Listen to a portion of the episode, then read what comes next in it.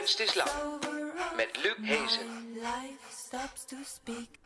Goedenavond dames en heren, welkom bij Kunst is Lang, het interviewprogramma over hedendaagse kunst in samenwerking met online kunsttijdschrift Mr. Motley. Je hoort ons live vanuit Vondel CS in Amsterdam. Ga naar de Facebookpagina van Mr. Motley en dan zie je ons ook zitten hier zelfs. Terugkijken kan ook, mocht je dat nu niet uh, willen doen via YouTube, via Artube of via de Facebookpagina van Mr. Motley. En we zijn natuurlijk ook gewoon als podcast beschikbaar. Leuk als je dan ook meteen een beoordeling wilt achterlaten, want dat vergroot dan weer de kans dat we aan anderen worden aangeraden. Als je het leuk vindt, tenminste, anders hoef je dat uh, niet te doen. Tegenover mij, zoals elke week, een kunstenaar die iets maakt op basis van het gesprek dat we hier voeren. En deze week is dat Frank Kolen. Hij was eerder al hoofdgast in Kunst is Lang. Dat was een heel mooi gesprek over humor, over tegelwijsheden in de kunst. En dat kun je uiteraard terugluisteren via Motley of via je podcast. Hij heeft, een pruik meegenomen, een lichtbak. Dus uh, er gaat van alles uh, uh, gebeuren. En er wordt getekend in zand, als ik het goed begrepen heb. Daar hoor je straks meer over.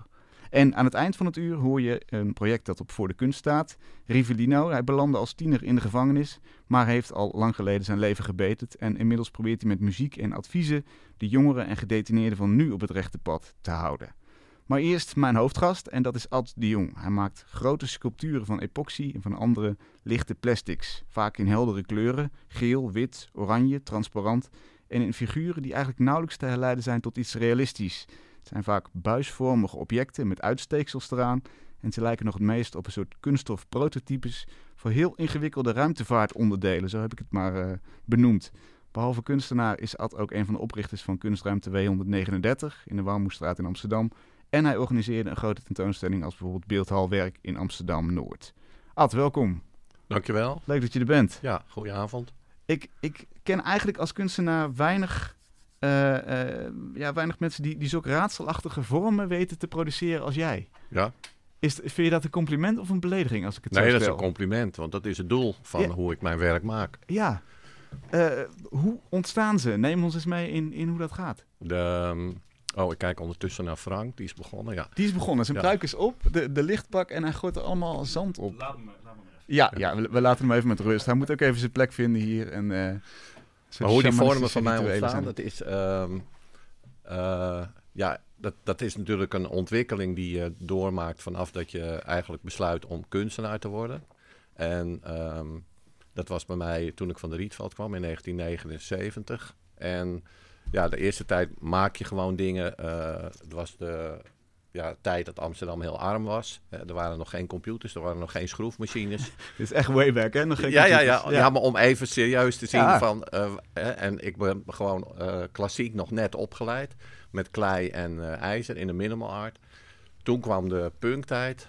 Ik was niet, zeg maar, een punker zoals je dat in Londen op straat zag. Maar het was wel in Amsterdam, uh, ook door de ruimte die er was, dat je alles hè, zelf ging doen. En eigenlijk niet verbonden was met een officieel kunstcircuit waarbij hè, allemaal wetten en regels waren. Hmm. Mm. Dus de eerste tijd heb ik gewoon heel veel gedaan, direct wat ik dacht van nou dit wil ik doen, dat wil ik doen.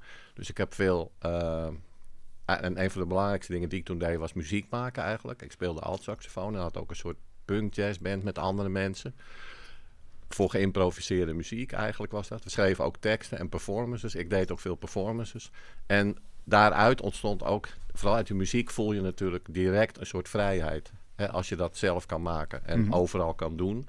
Dat gaf een soort vrijheid. En dat is eigenlijk de basis geweest voor eh, het werk en de vormen die ik nu maak. Hè, dat ik zoveel mogelijk eh, die vrijheid steeds gebruik om te accelereren en vooruit te komen. Dus niet te reageren op de dingen die er om me heen direct gebeuren of die er in de kunst gebeuren, maar iets echt toe te voegen wat veel verder gaat.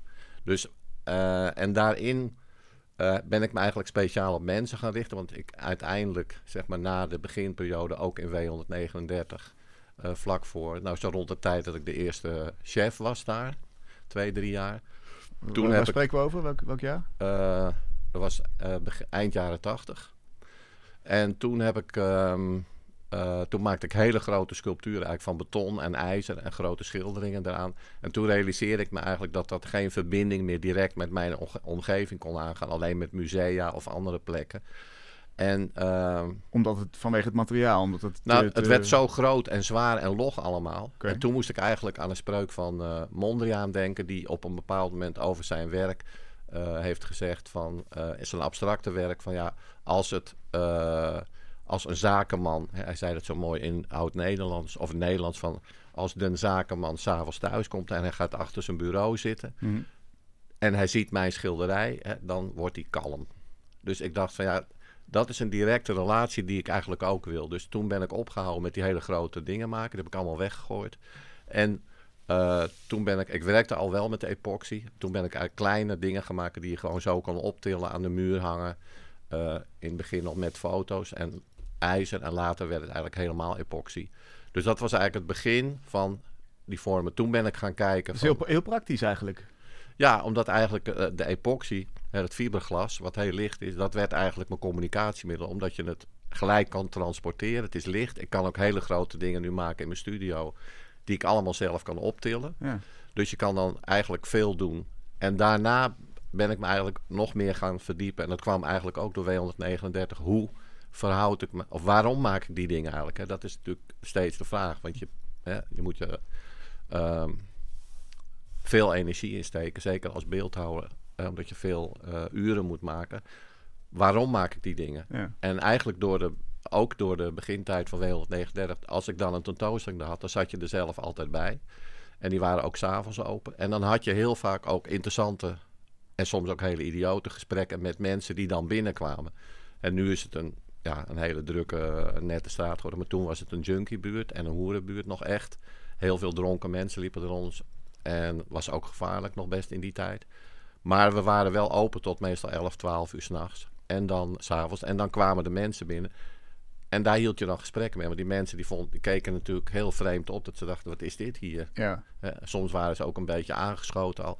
Maar die, dat waren wel hele één op één eerlijke gesprekken. Zoals? Wat, wat, wat, eh, Nou ja, bijvoorbeeld, ik herinner me een gesprek van, eh, met een Amerikaanse zakenman die daar binnen was gelopen. En die dan voor een schilderij met mij stond. En toen zei hij van, ja, why are you doing this? En, en waarom doe je dat hier eigenlijk? En hoe kan dat eigenlijk allemaal hier? Ja. Dus dan moest je gewoon echt uitleggen van, ja, waarom maak ik zo'n schilderij? En wat wil ik daarmee?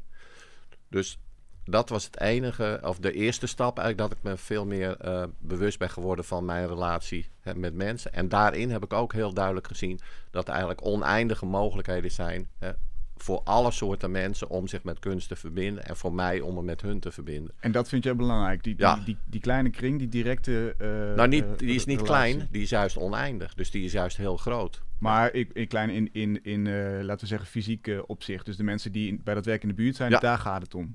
En, en niet om de afbeeldingen die rondzwerven of... of Nee, nou, die mogen er ook allemaal zijn, dat is geen probleem. Maar het, het belangrijkste is gewoon eh, eh, dat. ja. Dat mensen het zien.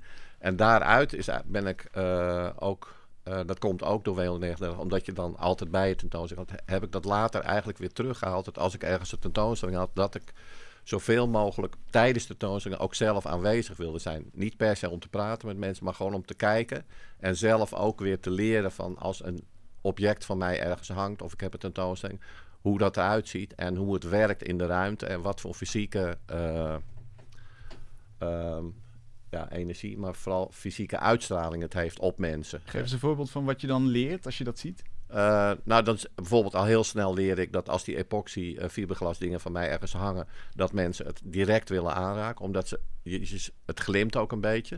Hè? En eh, op een of andere manier is het ook zo ruw nog dat mensen niet denken van, hé, hey, ik krijg gelijk een, een schok of de, iemand roept van, ja, dan gaat een alarm af. Ja, precies. Dus dan raken ze het direct onmiddellijk aan. Of ze, ze duwen er even tegenaan. En, ehm, en ik heb ook bijvoorbeeld eh, toen een object een tijd in de entreehal van het Boymans hing. Tegen de supposter gezegd, iedereen mag het aanraken. Dat Mhm. lieten ze ook toe. Mhm. En was ik daar een keer in de ochtend eh, om te kijken. En toen zag ik dat er allemaal kinderen binnenkwamen. Nou, die gaan er best ruw mee om. Hè, dat ze er tegenaan duwen en dan zien, oh dat kan allemaal. En niemand zegt er wat van. Maar het maakt ook dat ze eh, daardoor een heel direct contact hebben. En eigenlijk met het object zijn. En of je nou kijkt of aanraakt. Of eh, tien minuten erom, erbij staat. Dat is allemaal eh, voor mij, ja, vind ik heel goed eigenlijk.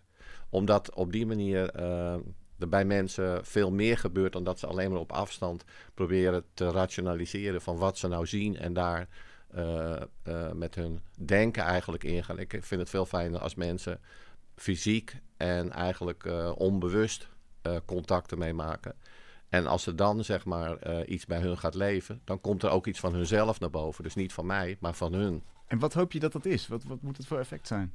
Ehm, dat weet je natuurlijk niet. Kijk, een van de belangrijkste dingen die ik ontdekt heb, is dat je nooit weet eigenlijk eh, in wat voor een toestand of situatie iemand is. Je kan van alles eh, in een ruimte aan teksten ophangen en uitleggen en gidsen. Maar de, ja, jij hebt net eh, lekker gegeten, ik heb niet gegeten. Eh, iemand anders heeft het koud, iemand anders is Ja, net gescheiden. hond is dood, ja. Whatever. Mhm. Hè? En die staat daar dan voor een beeld van mij. Dus ehm, het eerste voor mij is altijd dat, het heel, dat ik het goed vind als het object zo hangt en zo benaderbaar is dat iemand denkt van het is er voor mij. Dus niet voor een museum of het is van een verzamelaar en ik mag er naar kijken. Ja. Dus het is voor mij. En eh, het andere is dat op het moment dat ze kijken, dat ze zelf wel een inspanning moeten doen hè, om te kijken. Dus dat is wel iets wat moet gebeuren. Dus als ze gewoon daar staan en denken van nou, het, het is ook goed, van het zal wel, ik loop weg. Want dat is Mhm. natuurlijk een negatieve reactie, maar die is ook heel goed.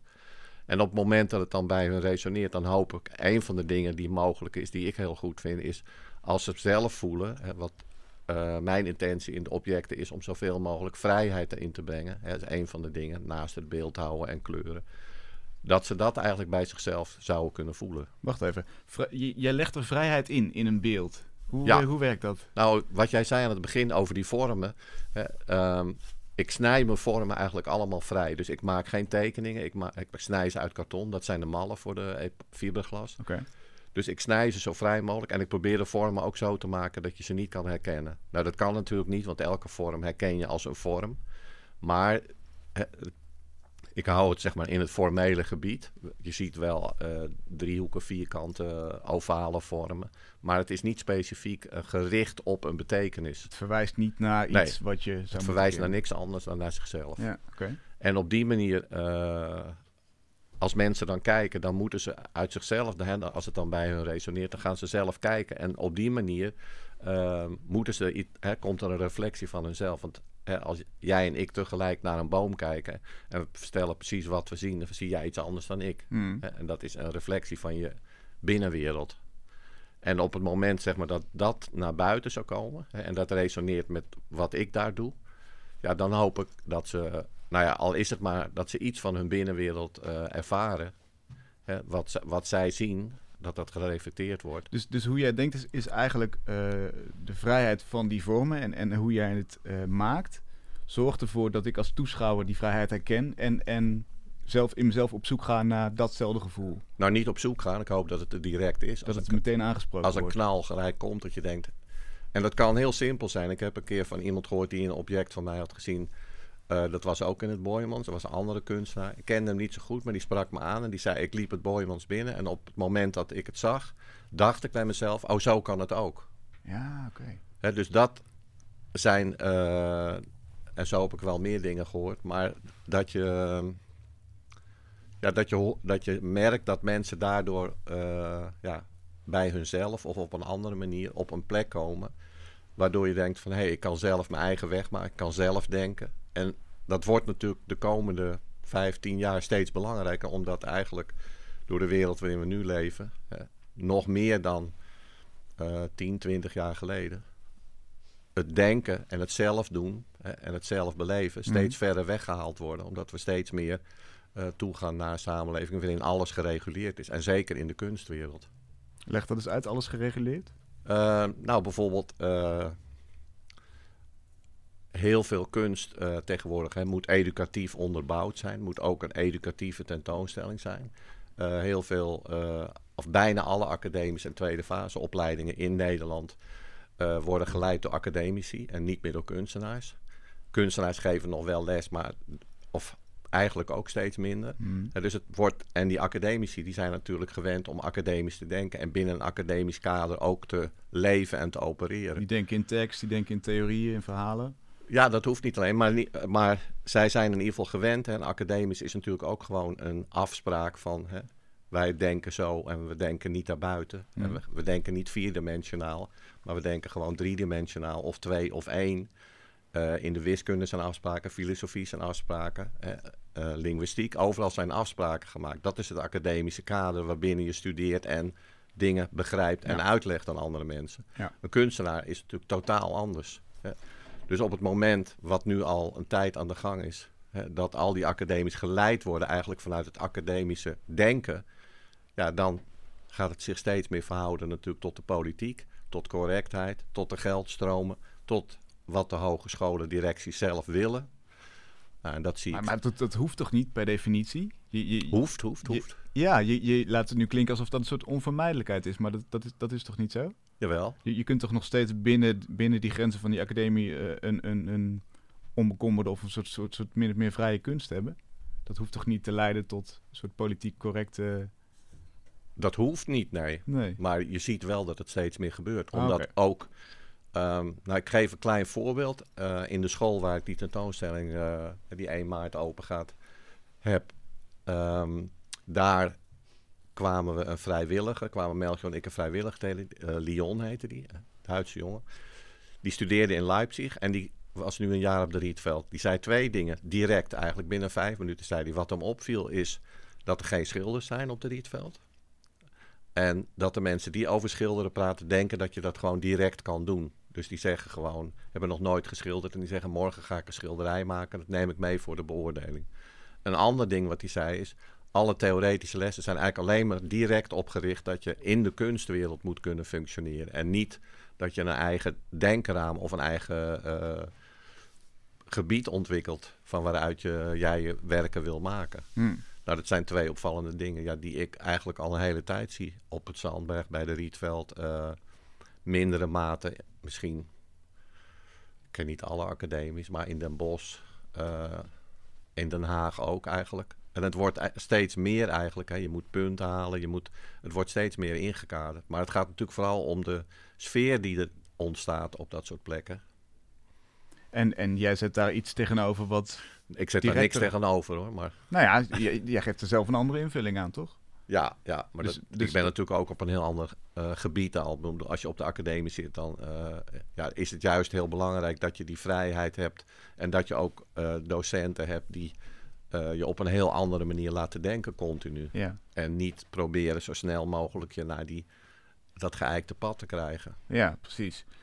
Ehm, maar je zou kunnen zeggen, jouw werk is, is, ontstaat meer vanuit die, wel die vrijheidsgedachte.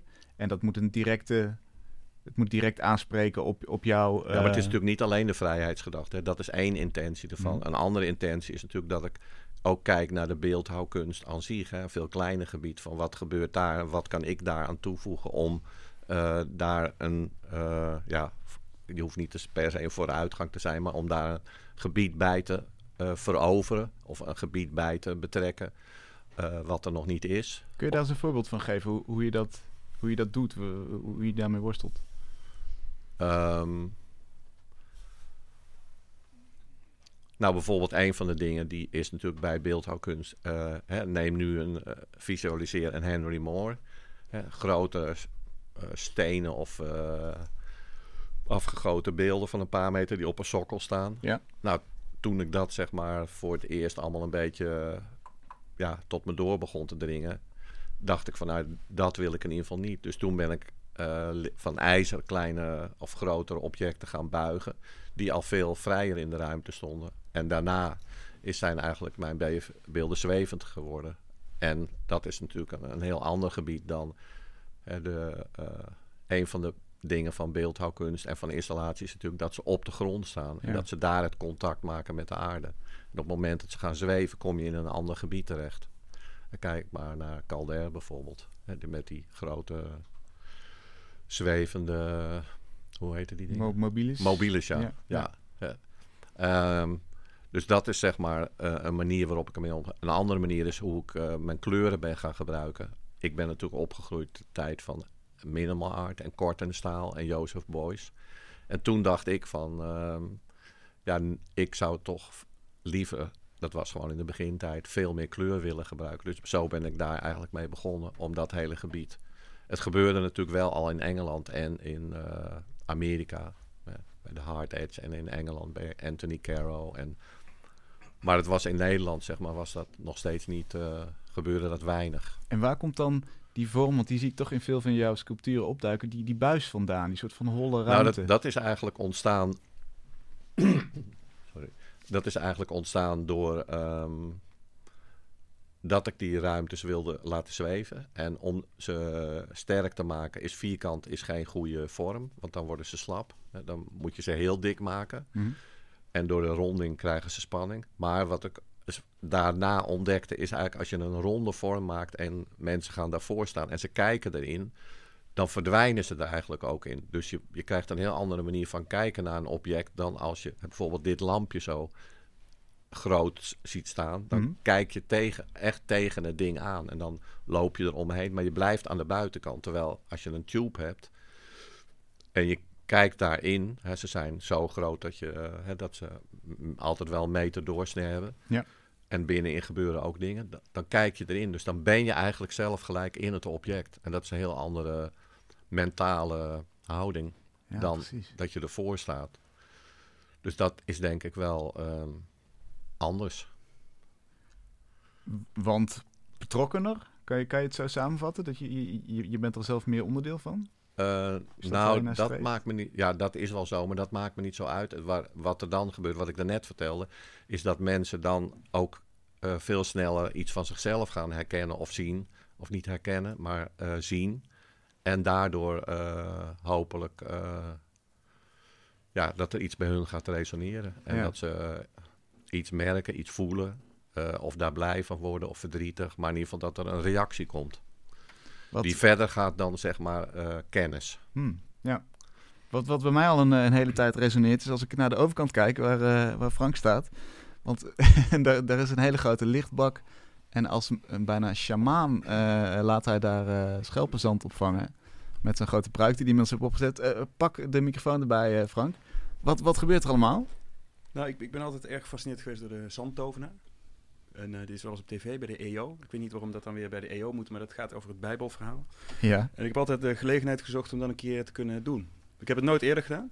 Dus het is de eerste keer. Dus voor mij is het ook echt een soort ontdekking met een nieuw soort materiaal. En ik eh, denk, ga er gewoon voor. Jij bent nu die zandtovenaar. Ik ben eigenlijk een soort zandtovenaar. Ik, probeer, eh, ik wist ook niet of ik het goede zand had. Ik heb schelpenzand. Huh? Vitakraft voor hygiëne in de kooi. Jij houdt ook heel erg van hygiëne, weet ik. ja. Ad knikt eh bevestigend. Ja. En ik dacht wel, ik moet dat wel, eh, ik moet een beetje in het personage blijven. Dus vandaar de, de pruik. Heel mooi. Maar check die zandtovenaar, dat is echt magie. Ja. Eh, magie op de vierkante centimeter. En, en, en wat kun jij daarvan...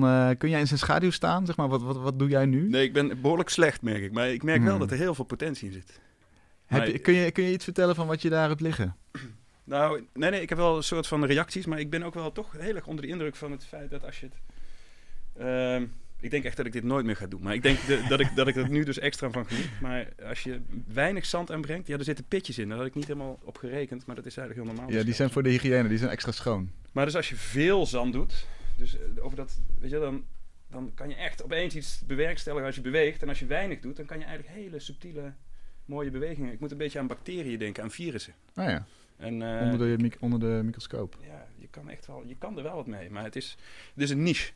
Het is, het is een niche, maar, maar eh, on- onontgonnen terrein zou ik zeggen. En eh, reageer jij ook op wat Ad zegt? Heb je daar iets, blijft nee, daar af, iets en- van hangen? wel, af en toe wel. Ik vind zijn, zijn betoog ook over het kunstonderwijs heel interessant. Ik ben zelf toevallig eh, studieleider van eh, de Academie in Utrecht, de HKU.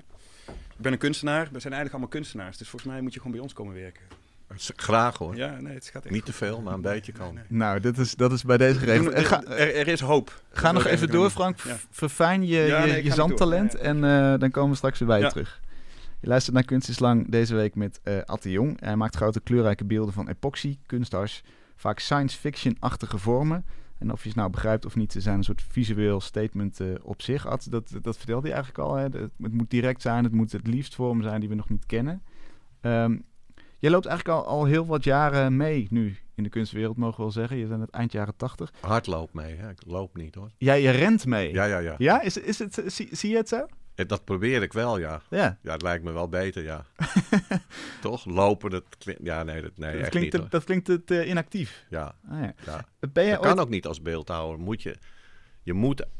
Als kunstenaar heeft het geen zin om te lopen. Want dan word je steeds ingehaald door allerlei mensen. Door eh, allerlei regelingen. Door allerlei dingen die goed gevonden worden. Je moet verder komen dan goed vinden. Ja, je moet vooruitstormen. Ben, jij in, in dat licht, eh, weet ik bijna het antwoord al, maar ben je ooit bezig geweest met hoe verkoopbaar of hoe verzamelbaar jouw eigen werk is?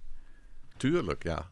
Ja, er is maar één kunstwereld hè, en daar zit alles in. Hm. Daar zit eh, academisch in, er zit eh, W139 in, er zit Pakte in, er zit het Stedelijk Museum in, er zit de ontslagen directeur in. Ja, En ik zit daarin. En jij, want jij maakt een kunstprogramma. ja. Dus- maar maar betek- eh, eh, hoe werkt dat door tot in jouw atelier? Ben je bezig met dit past nog in een museum of dit is verkoopbaar? Dat hoeft niet. Want alles wat ik maak is verkoopbaar. Dus eh, van tevoren daaraan denken, dat zou het niet verbeteren. Nee, Mhm. dat is juist de, de truc natuurlijk wat ze op de academies, tenminste wat ik in Den Haag zag, wat er dan gedoseerd wordt, is van ja, niet van het moet verkoopbaar zijn, maar eh, het was wel zo dat ze dan bijvoorbeeld tegen studenten of laten merken van kijk, eh, je moet wel zo snel mogelijk bij een goede galerie komen. En nou ja, als je dat alleen al als zeg maar criterium neemt om eh, dingen te maken. Nou, ik heb net uitgelegd hoe mijn verhouding met mensen en hoe, dat naar, hoe ik het naar buiten wil brengen. Ja, dan begin je eigenlijk al op een hele foute manier aan je, aan je eigen kunstwereld te bouwen. Die beperk je dan direct zo. Ja. En je vrijheid wordt zo. En als je dan ook nog een, toevallig een galerie vindt en die gaat wat tegen je zeggen.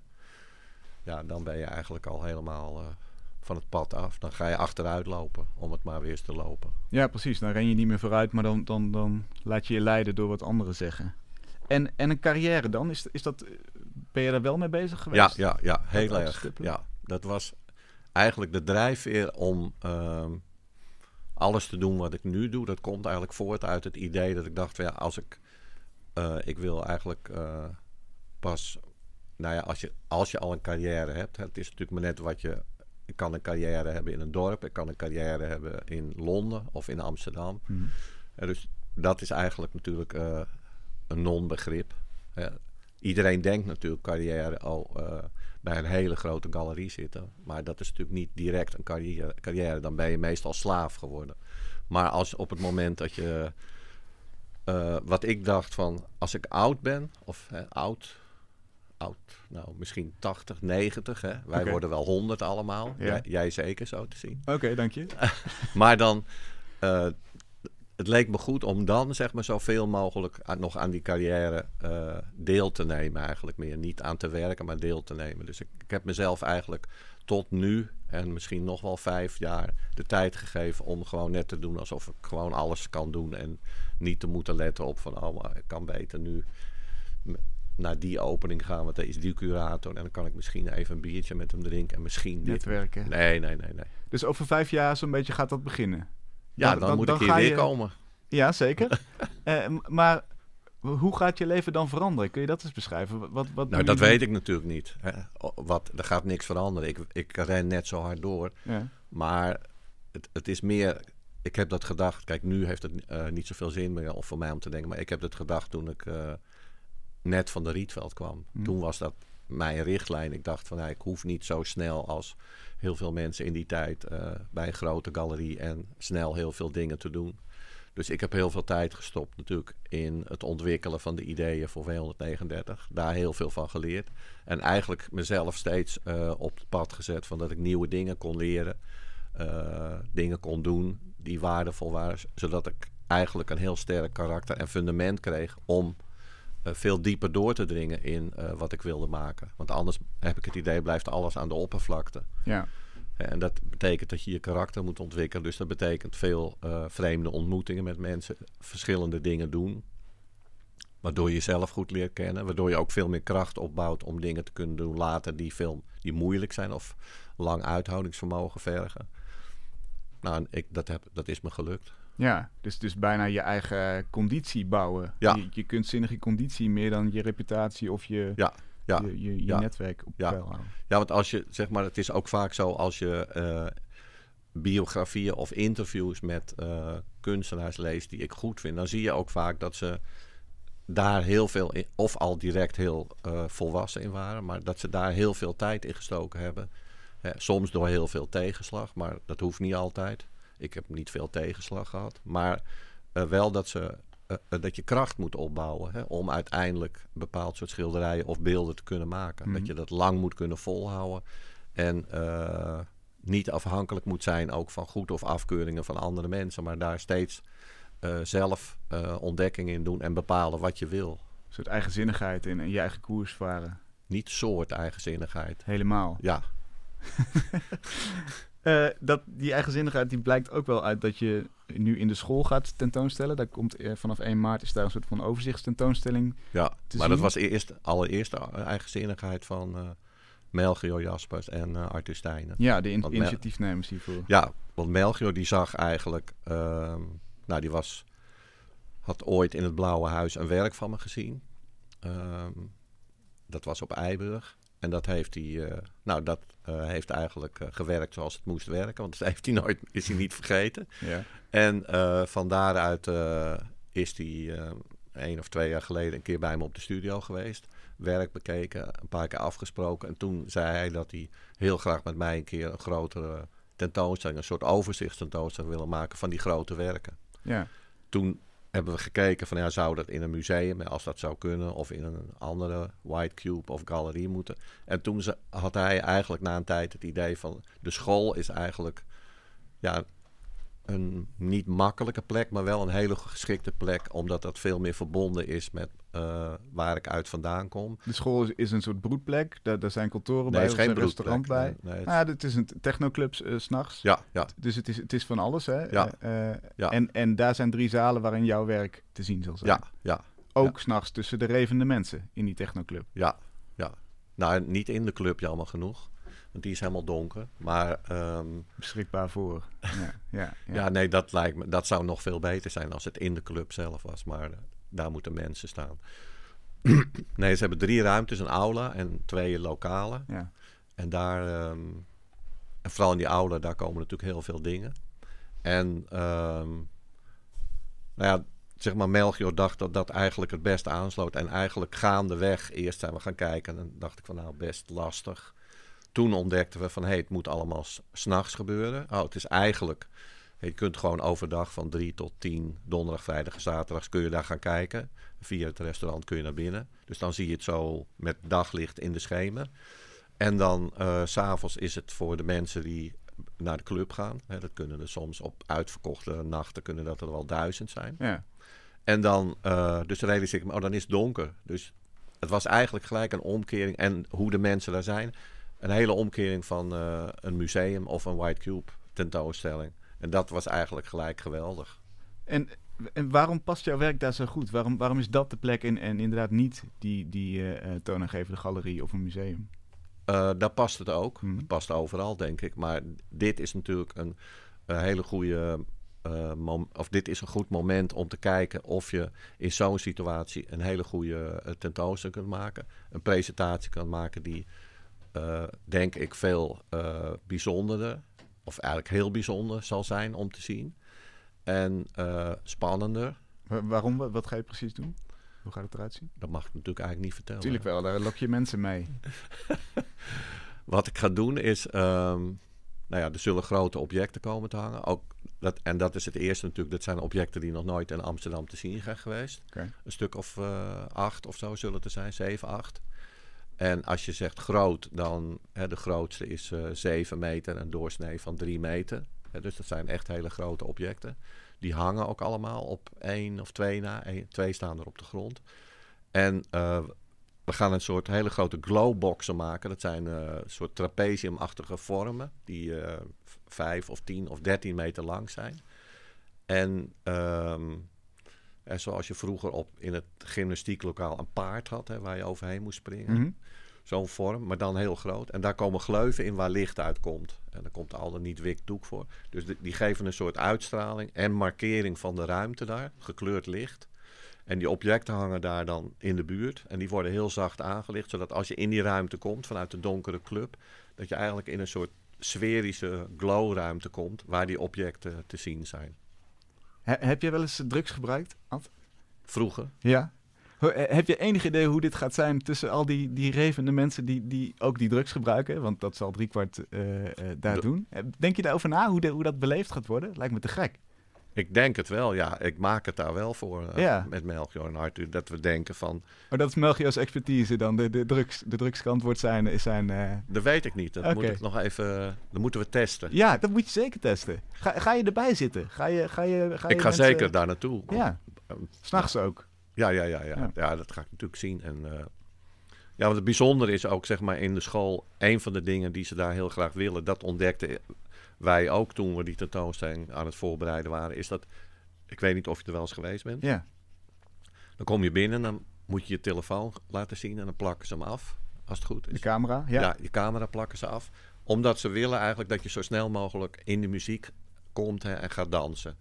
Als je niet weet welke DJ's er draaien, dan kom je ook meestal niet binnen. Of tenminste, als het druk is, dan gaan ze daarna vragen. Omdat Mhm. ze echt willen dat mensen voor het dansen komen. En ze willen ook dat mensen zich zo vrij mogelijk voelen. ja. Tenminste, dat hebben ze mij verteld. En, en, en dat ze betrokken zijn, dat ze daar willen zijn, inderdaad. Ja, ja. En die manier zeg maar, van daar zijn, hè, dat leek me gelijk een ideale manier eigenlijk. Of je al dan niet eh, drugs gebruikt of eh, heel nou, veel drinken doen ze dan waarschijnlijk niet. Maar dat lijkt me een hele goede toestand om naar die werken van mij te kijken. En wat nog fijner is natuurlijk, daar die ruimtes zijn zo groot. We kunnen ook allemaal dingen maken waar mensen op kunnen zitten en liggen. Zodat ze niet alleen kijken, maar gewoon er mee zijn. Dus ook al zeggen ze niks of kijken ze niet eens, ze zijn gewoon bij mijn objecten. Nou ja, dat beter kan niet, toch? Ik bedoel, waar vind je een museumzaal waar mensen gewoon misschien wel een uur naast je object liggen? Ja. Ideaal. Ja, dat is waanzinnig. Ja, dus ja, ik denk ook gewoon dat elke kunstenaar na mij moet denken... is maar één plek waar ik wil tentoonstellen en dat is in de school. Musea hoeft niet meer, gewoon naar de school. Hoe, hoe zou jij, dat is een hele brede vraag, maar hoe, hoe zou jij de rol van, van de kunstenaar, in ieder geval zoals jij hem opvat, in onze maatschappij zien? Ga- gaat het om, om dat lostrillen van dat vrijheidsgevoel? Of, of ga- waar, waar Nou ja, dat is bij iedereen anders Maar natuurlijk. voor jou Eh, ja, dat is voor mij wel een van de dingen die ik. eh, Nou ja, het, het belangrijkste wat ik zie is eigenlijk dat ehm, mensen, of heel veel mensen, eigenlijk de hele tijd gedwongen worden om op een bepaalde manier te leven. En dat vroeger was dat misschien door armoede, nu is dat eigenlijk door rijkdom. In Nederland in ieder geval, of door rijk willen zijn, maar toch wel door rijkdom. En dat je daardoor eh, eigenlijk heel veel mogelijkheden om jezelf te ontwikkelen. Of mogelijkheden om zelf eh, of gelukkig te zijn of plezier te hebben. Hè, laat liggen. En ehm, Want te druk met een baan, carrière. eh, ja, voordat je het weet is dat eigenlijk, eh, ga je dood. En dan ja, lig je op je bed en denk je, ja, ik ben wel heel rijk geweest, maar ja, pop, weg. Weinig ervaring. ja, weinig geluk gehad of weinig dingen kunnen doen waar, die, die echt uit mezelf zijn gekomen. Of hoe ontwikkel je je eigen leven en hoe Mhm. kun je elke keer stappen zetten die, eh, die je geestelijke vermogens vergroten, die je fysiek vermogen vergroten. Hè, bijvoorbeeld wat ik pas geleden zelf nog een keer gedaan heb eh, om daar ook mee bezig te zijn, is dat ik eh één of twee keer via, niet via, maar wel zo'n Wim Hof methode, gewoon een ijsbad genomen heb. Nou, op het moment dat je dat doet, hè, nou, dan voel je opeens van ja, ik kan eigenlijk veel meer dan. En zo zie ik dat eigenlijk in de hele wereld. Er wordt zo. Hij, hij is de Iceman, hè? Moeten we misschien even, even uitleggen. Hof, Dus- ja, dat is de Iceman. Die gaat gewoon in, in, eh, in, eh, die, die eh, maakt een gat, die maakt een wak en dan gaat hij dan duikt hij in of zo. Ja, ja. En die, die geeft les. En eh, een van de mensen die dat gedaan heeft was Sung van de Peet. En die, ehm, nou, die bood een tijd die cursus aan. Dus dat heb ik gedaan. Nou, dat is eigenlijk maar een klein voorbeeld om hè, hoe je ehm, zelf kan merken van... hé, hey, er is eigenlijk veel meer mogelijk. En ik zie eigenlijk overal veel meer mogelijkheden. En die worden heel erg gereguleerd en beperkt door allerlei dingen... die dan zogenaamd aangeboden worden die fijn zijn. Die Mhm. niet fijn zijn. Ehm, dus ja, ik zie die, de rol van de kunstenaar. En het mooie is natuurlijk dat we, iedereen verschillend is. Dus dat als elke kunstenaar dat zou maximaliseren, dat er op veel meer manieren, op veel meer plekken, hè, films, literatuur, eh, toneelstukken, dat er veel meer diversiteit eh, zou komen. En ook daardoor eh, dat ehm, ja, wat mensen aanspreekt en hoe mensen benaderd worden, dat dat veel dieper gaat en veel explicieter wordt. Nu is het allemaal veel te veel ja, op, ehm, ja, op leuk en op het moet verantwoord zijn. En eh, ja, saai ook eigenlijk. Zijn we dan veel braver geworden? Of, of waar, waar ligt het dan? Jij misschien niet, maar nou, je kan, dat kan je natuurlijk nooit zien, want je kan nu niet vergelijken met vijf jaar geleden. Nee. Alles is op het moment zelf. Ja. En het, het- maar je kan wel zien, hè, door de rijkdom en door de, eh, de steeds groter wordende verplichtingen, hè, van of je moet het zelf doen of eh, het wordt nagerekend voor je, dat er wel minder mogelijkheden zijn om eh, jezelf zeg maar geestelijk te ontwikkelen. Dus, dus eigenlijk de greep van, van de commercie, eh, dat, dat, daar zie jij, daar, daar, le- daar leiden wij aan. Nou, het, i- ja, het is niet alleen de commercie natuurlijk. Het, is, het zijn vooral ook dat de mensen zelf zich steeds verder daarmee willen verbinden. Om eh, op een bepaalde manier eh, te leven, te lopen, te kijken. eh. ja, dat is eigenlijk eh, geen verbetering, denk ik. Op, op heel veel gebieden kan het natuurlijk wel een verbetering zijn. Het is niet zo dat ik een somber idee heb over de wereld van nu, helemaal niet. Ja. Maar er zijn gewoon veel meer mogelijkheden dan er nu zijn. Voor elk mens eigenlijk. Dus dat is eigenlijk mijn drijfveer om daar veel meer eh, ruimte voor te maken en ook veel meer van te laten zien. Dus vandaar ook dat ik de objecten niet herkenbaar wil maken. En vandaar dat de tentoonstelling in de school ook niet direct hè, geënt is op van, oh zo ziet een tentoonstelling eruit. Laten we die dingen van Ad zo goed mogelijk neerhangen. Dat je ze zo goed mogelijk kan zien. Maar we proberen daar ook te laten zien dat zo'n opstelling en zo'n manier van tentoonstellen in een museum of op een andere plek ook zou kunnen. En dat dat veel hedendaagser is dan de tentoonstellingen die nu gemaakt worden. En Ja. dus dat is eigenlijk ook een van de doelen van de tentoonstelling die we bij de school hebben. Je, wil- je wil vooruit blijven rennen, je wil, je wil die, Ja, eh, die grenzen ja. oprekken. En niet uitglijden. Nee, en niet uitglijden, ja, precies. Eh, In, in dat kader, hoe, hoe, hoe ver kijk je vooruit als je werkt? Zijn er dingen waar je aan wil werken waarvan je denkt, die kant moet ik op, die je nu nog niet gemaakt hebt? Ehm, ja, ja, dat is zeker. Een van de dingen die ik zeker wil is, ehm, en daar werken we ook al aan, ehm, is zo'n heel groot object in de turbinehal, in de Tate Modern hangen. Aha, Dat is eigenlijk waar alles afgelopen jaren langzaam maar zeker eh, naartoe moet. Eén groot object van jou daar in die, in die hele grote hal. Ja, ja. En, en ehm, hoe en, en, en, en waarom? Nou, daar lopen, eh, het is gratis hè, Mhm. dus dat voldoet al aan... Toegang eh, tot het museum is, is gratis in Engeland? Nou ja, ja, in ieder geval eh, een gedeelte van de teet is gratis. En daar beneden lopen sowieso heel veel mensen doorheen. Ja. En ehm, het is heel groot, dus ik, ik kan daar een, een, nou, misschien wel een object van eh 100 meter maken of zo. Of ophangen en eh, zelf maken. Eh, het is daar fantastisch licht. Het is heel hoog, dus je kunt ook... ja, dat, dat is al sinds ik hem voor het eerst zag, dacht ik gelijk... Ja, dit is eigenlijk wel een maximale plek om een keer een heel groot eh, object te hangen. ja. Maar er zijn een aantal tussenstappen nodig natuurlijk voordat je daar bent. dat, eh, dat zeg je heel eufemistisch. Ja. En, en, en heb je al een idee van een, van een vorm? Van een...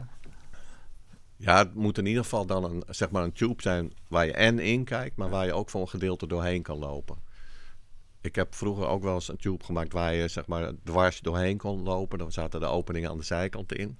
En dat is eigenlijk ook wel een van de mooie dingen. Als je een tube hebt waar mensen ook nog dwars doorheen. Dus dan zien mensen elkaar een gedeelte ook nog. Of er bewegen nog dingen in.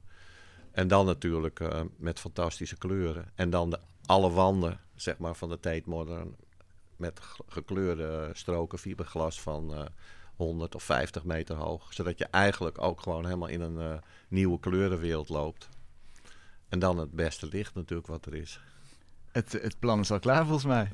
Maar het begin is er, hè? Het begin is er. Ja. Eh, nodig ons uit als, je, eh, als, je het, als het klaar is bij de opening. En Ja, succes. ja. En we gaan, we gaan kijken in de, in de school, al dan niet onder de drugs, hoe we jouw werk kunnen ervaren. ja, ja, dat is dus eh 1 maart. Om 8 uur is de opening. Aanstaande, Volgende week is het, volgende week donderdag. ja, volgende week donderdag, 1 Ja. maart, ja. Frank, eh zand, zand, zandtovenaar. Ja, het is echt eh, crazy. Wat gebeurt er nu?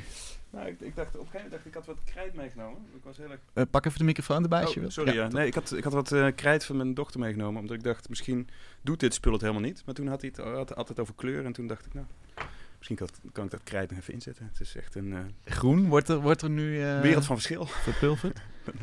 En eh, ehm, wat, ben je dan ook nog mee figuren mee aan het maken? Of is het echt het hele rare was, ik was goed naar Ad aan het luisteren, maar er begonnen allerlei soort prehistorische dieren te ontstaan. En dat Ah. heeft niks met Ad te maken hoor. Ik bedoel, het is, eh, het is geen dino van de kunst. Het is nog steeds een heel vitaal iemand. Ja. Maar op de een of andere manier kwamen er hele eh, rare wezens. En ik, ik, ik ben heel benieuwd eh, of de kijkers daar ook zo van genoten hebben als ik. Ik Ongetwijfeld. vond, ik vond ze echt heel goed. Ik zag jou ook heel veel echt grootse beweging maken. Bijna alsof je een, orkest aan het dirigeren was. Ja, maar dat is meer omdat die, dat die man, die, die tovenaar, doet dat ook. Dus ik dacht van ja, ik moet daar wel een klein beetje in sync met die... eh, En trouwens, het kleine gebaar, Ad, daar hebben we toch gewoon helemaal niks aan. Nee, dat, Ja, dat is dus is sowieso duidelijk geworden hier eh, eh, in de uitzending. Grote gebaar. Te gek. Ga je dit vaker doen? Ik ben te boeken. Je bent te boeken, Ik heb, compleet met pruik? Met alles erop en eraan. Kan, kijk mijn website voor de ma- mailadres. Ik kan overal te, te land zijn in de lucht. Kom ik dit voor jullie doen allemaal. Waanzinnig. Ja. Frank Code, dankjewel. Leuk dat je er was. En ondertussen is hier eh, ook aangeschoven eh, Rivelino. Hij staat op Voor de Kunst, de crowdfund-site waarop mooie projecten staan die je kan steunen via crowdfunding. Eh, ja, Rivelino, welkom. Je, je zat in je tiende jaren in de gevangenis. Klopt. Pikte daar enkele criminele kennis op en je ging nog even door toen je weer vrij was. Maar dat is inmiddels lang geleden, hè? Ja. Hoe, hoe lang geleden? Ik ben bijna 40. En het was zeg maar rond mijn 16e, dus snel rekenen. Iets van 24 jaar geleden. Ja, precies. Dat is... Dat is eh, het dan? Goed overgerekend of niet? Ja? Eh, nu doe je jongerenwerk en eh, je wil vooral door middel van muziek jongeren en ook oudere gedetineerden weer op het goede pad krijgen. Klopt, ja. Wat, eh, ho- hoe ben jij ooit zelf in de geva- gevangenis beland? Laten we daar eens mee beginnen. Ja, het, eh, was zeg maar een aaneenschakeling van eh, momenten, weet je wel. Ik, eh, ik groeide op in Amsterdam-West. En eh, Amsterdam-West was toen eh, ja, best wel een eh, interessant buurtje, om het zo maar te zeggen. Er gebeurde veel. En veel verschillende culturen. Dus aan de ene kant gewoon heel mooi, weet je, heel gemêleerd. En mijn vader die overleed al vrij jong, weet je, toen ik vijf was. En ik merkte zeg maar dat ik daardoor gewoon op zoek ging naar ja, rolmodellen, weet je wel. Vaderfiguren, oudere broers. En die waren toch vol, voldoende, weet je wel, op de hoek van de straat. Weet je, de jongens met de mooie eh, auto's, weet je, dure schoenen, dikke kettingen. En af en toe kreeg ik wat geld van ze, weet je. Liep ik langs en zei, hey, kleine man, hoe gaat het? "Eh, hier heb je wat. Ik kreeg vijf gulden. En dan gewoon naar de Febo gaan. En eh, ja, ik zag ze staan en het maakte een beetje indruk, weet je wel. Ja, je dacht, dat moet, daar moet ik ook komen. Daar moet ik ook komen. Ik dacht van, wat doen die gasten nou? En via via hoorde ik toen van, ja, ja, die doet iets met, weet je wel, inbreken. Die doet iets met gestolen scooters.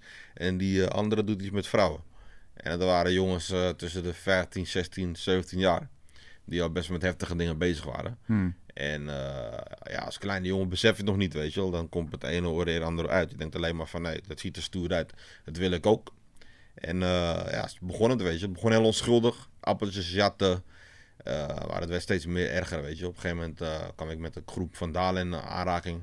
En hadden we een soort van bende opgericht. Dan gingen we papierbak in de fik steken, glijbaan in de fik steken. Weet je wel, eh, bouwplaatsen zeg maar slopen. En eh, op een gegeven moment het gevoel zeg maar van een soort van status en aanzien. Dat begon zeg maar wel een soort van eh, aantrekkelijker te worden, weet je wel. En waar ben je uiteindelijk voor gepakt dat je, dat je de bak in moest? Ja, zeg maar om zeg maar, eigenlijk van vandalisme naar eh, toen een eh, sprong te maken. Ik kwam eh, op de middelbare school. En eh, de middelbare school kwam ik in contact met een groep jongens. En het waren gewoon ja, gewoon heftige jongens, weet je. Het waren jongens van eh 13, 14 jaar. En eh, die waren weer gekoppeld aan andere jongens. Dat waren gewoon eh, ja, gangbangers eigenlijk, weet je. Die waren overvallers, drugsdealers en eh pooiers. Hm. En wij waren dat toen nog niet. Maar wij keken wel naar die jongens op. Omdat we dachten van ja, hun krijgen gewoon aandacht van de meiden. En ze hebben gewoon mooie spullen. Dat willen wij ook, weet je wel. En toen, toen zeiden we van ja, we moeten ook een band oprichten. En toen hadden we onze eigen band opgericht, CMP, Criminal Negro Posse. En eh, af- afgeleid van NWA natuurlijk. Ja, Niggas with Attitude. En eh, toen, eh, een van onze eerste daden was een beroving. Beroving op straat. En waar iemand, zeg maar, ja, aangesproken, gepakt, spullen genomen. En ik denk dat we een paar dagen later waren opgepakt. kwam de Amsterdamse jeugdrecherche naar onze school toe. En dat was zeg maar het begin van anderhalf maand zitten, jeugdgevangenis. En eh, ja, in de jeugdgevangenis kwam ik jongens tegen. En die gingen opscheppen over wat ze hadden gedaan, weet je wel. Dus in plaats van zeg maar dat ze gewoon aan het tuchten waren, waren ze gewoon aan het opscheppen van ja, wat heb jij gedaan? Ja, ik heb dit gedaan. Ah, je bent niks, maar je bent nog een nerd. Criminele leerschool Je eigenlijk. werd echt, want je kreeg gewoon, je ging netwerken, letterlijk, je ging netwerken. En je werd gewoon geleerd van, kijk, als je dit doet, dan word je niet snel gepakt. Of als je dit voor die leeftijd doet, dan krijg je geen strafblad. Dat soort dingen, weet je. Dus ik kwam alleen maar straatwijzer naar buiten. En het, grak, het gekke, gekke was eigenlijk, zeg maar, toen ik de eerste dag weer op school terugkwam. Ik werd niet van school afgetrapt. Maar de school was wel gewoon op, op de hoogte gesteld, weet je. Dus iedereen wist wat er was gebeurd. Dus ik was best wel zenuwachtig. En ik weet nog dat ik de school, schoolkantine binnenkwam. En ik zette drie stappen de kantine binnen en ik werd gelijk op mijn nek gesprongen door drie meiden. Van, oh, liefie, hoe gaat het met je? Oh, hoe was het in de gevangenis en is dat in de film? Dus ik werd als een soort van jonge held bijna onthaald. En ik was een beetje verbaasd. Van, hè? Maar jullie weten toch wat er is gebeurd en toch... eh, van, oh, oké. Je werd beloond eigenlijk. Ik werd een soort van beloond. Ja. En die beloning zorgde ervoor dat ik zeg maar gewoon eigenlijk daar harder in doorging, weet je wel. En ik ging zeg maar een soort van carrière maken op jonge leeftijd. En ik eh, ging zeg maar dieper de stront in eigenlijk. Wat, wat was het omslagpunt? Omslagpunt was bij mij eigenlijk zeg maar, eh, ik was inmiddels meerdere keren gepakt, meerdere keren gezeten. En eh, ik weet je, zoals ik zei, raakte ik zeg maar dieper in, in, in het wereldje. En ik merkte zeg maar gewoon dat ik gewoon mijn vrienden niet meer echt kon vertrouwen, weet je wel. Hm. Ik voelde me niet op gemak zeg maar met de gasten waar ik om, mee omging. Het voelde allemaal een beetje naargeestig en zo. En op een gegeven moment eh, was een van die vrienden en die eh, kwam een keer met eh, wat heroïne naar me toe. En hij zei van kijk, weet je, hier heb ik wat, eh, weet je, wat bruin voor je. En kijk maar wat je ermee doet. Of je gebruikt het zelf, of je verkoopt het. Ik was toen 15. En ik dacht bij mezelf, van, ja, ben je gek of zo? Ik ga natuurlijk niet zelf gebruiken. Ik ben gestoord. Ik dacht van, dus oké, dan moet ik het verkopen. En zo gezegd, zo gedaan. En het was toen jaren 90. Ging naar Amsterdam Centraal. En Amsterdam Centraal, weet je, nu is het echt gewoon prachtig, weet je, een mooi winkelcentrum. Ja. Netjes aangekleed, maar de jaren 90 was het gewoon echt een bende. Je had overal junkies, weet je, prostituees, gewoon dealers, naald op de vloer. En daar stond ik dan als 15-jarige, weet je. En met mijn met mijn bolletjes heroïne. En ik dacht van, oké, nu moet ik het verkopen. En ik was lichtelijk schoorvoetend, begon ik rond te kijken. Ik dacht van, wie kan ik het verkopen? En eh, op een gegeven moment zeg maar, kwam er een eh, junk naar me toe. En eh, die keek me aan en zei, ja, heb je wat voor me? Ik zei, ja, ik heb wat voor je. En ik gaf hem het spul en hij keek ernaar. En hij maakte het open en voor mij was het zand geweest, want ik had nog nooit zeg maar, heroïne van dichtbij gezien. Ik had het wel de hele tijd in mijn zak. En, eh, maar goed, hij keek ernaar en zei, ja, ja, is goed. En hij gaf me het geld. En eh, ik stopte het geld in mijn zak. En op het moment dat ik het geld in mijn zak stopte, was het toch voor mij zeg maar de stil weet je. Alsof je zeg maar uitzoomt, wat je wel in een film hebt, dat je het zelf ziet staan. En ik dacht bij mezelf van, waar de fuck ben jij nou helemaal mee bezig? Weet je wel? Ja. Ik dacht van, voor dezelfde geld had hij mes bij, had hij me gewoon in mijn ribben gestoken. Of had hij wat anders gedaan, hij me probeert te rippen. En dat was voor mij zeg maar een moment van, nee, dit is niet wie ik ben, weet je wel. Nu, nu help je mensen om datzelfde, eh, ja, diezelfde knop om te zetten eigenlijk. Hoe, hoe, hoe kun je dat doen? Hoe doe je dat? Ik doe dat niet. Zij moeten het doen. Oké. Het enige wat ik kan doen, is hun mijn verhaal vertellen. Hmm. Ik laat hun zien, zeg maar, van ik ben ook in de shit geweest. En eh, toen ik die stap maakte, was mijn leven niet gelijk beter, weet je wel. Hmm. Ik moest nog steeds struggelen. Ik moest ook, zeg maar, voor een baas werken. En ik had hekel om, zeg maar, om voor een baas te werken. Daarom ben ik uiteindelijk ook mijn eigen baas geworden. Eh, maar ik zeg ze gewoon van, het is gewoon, ja, je moet echt een stap nemen, weet je. Want het probleem is, zeg maar, als je in die wereld blijft, het is niet jouw geld. Het is geld, zeg maar, op een verkeerde manier verkregen. Het is geld voor anderen. Dus je moet altijd achter je rug omkijken of niet een gangster je wil rippen. Of wat de politie, zeg maar, wil pakken. Ja. Dus je bent nooit veilig. Weet je wel?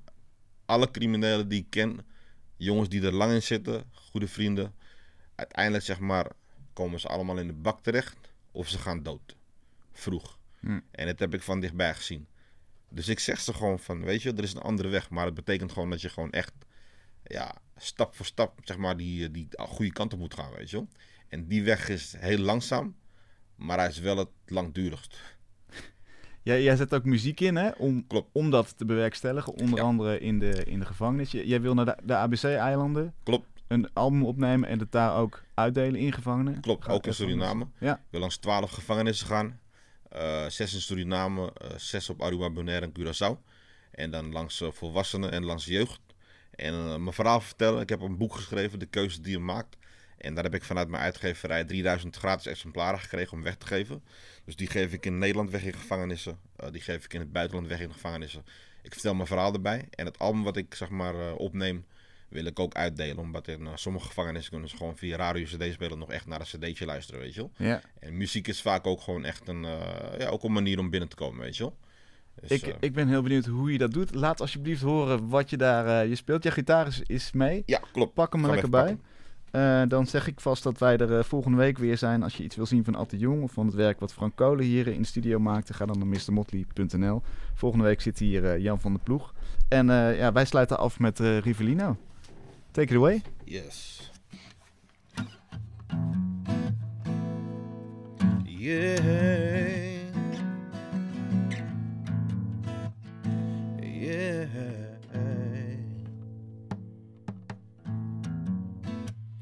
When I woke up, my day has begun. This crazy life gets me. Whoa, what have I begun? Give me reason.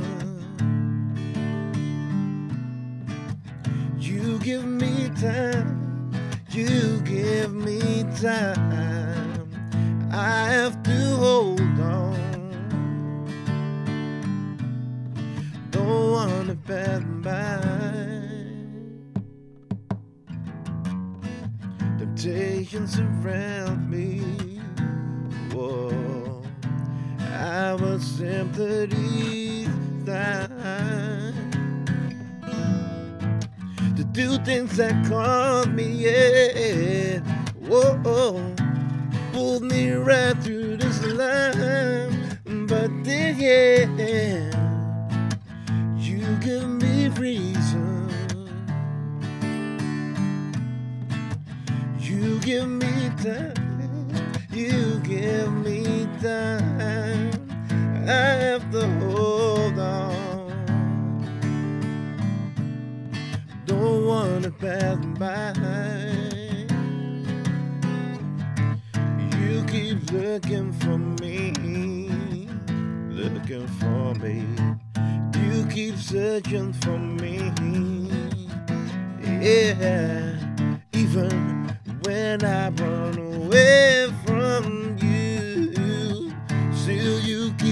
keep searching my face.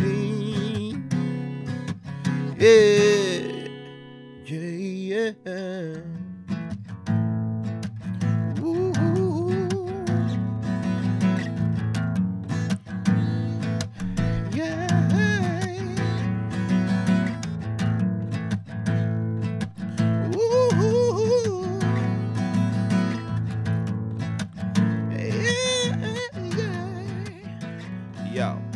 Except me, myself, and I had a fight to be die. When I was young of age, it was my a Johnny Cage, but I couldn't understand why you ended this way.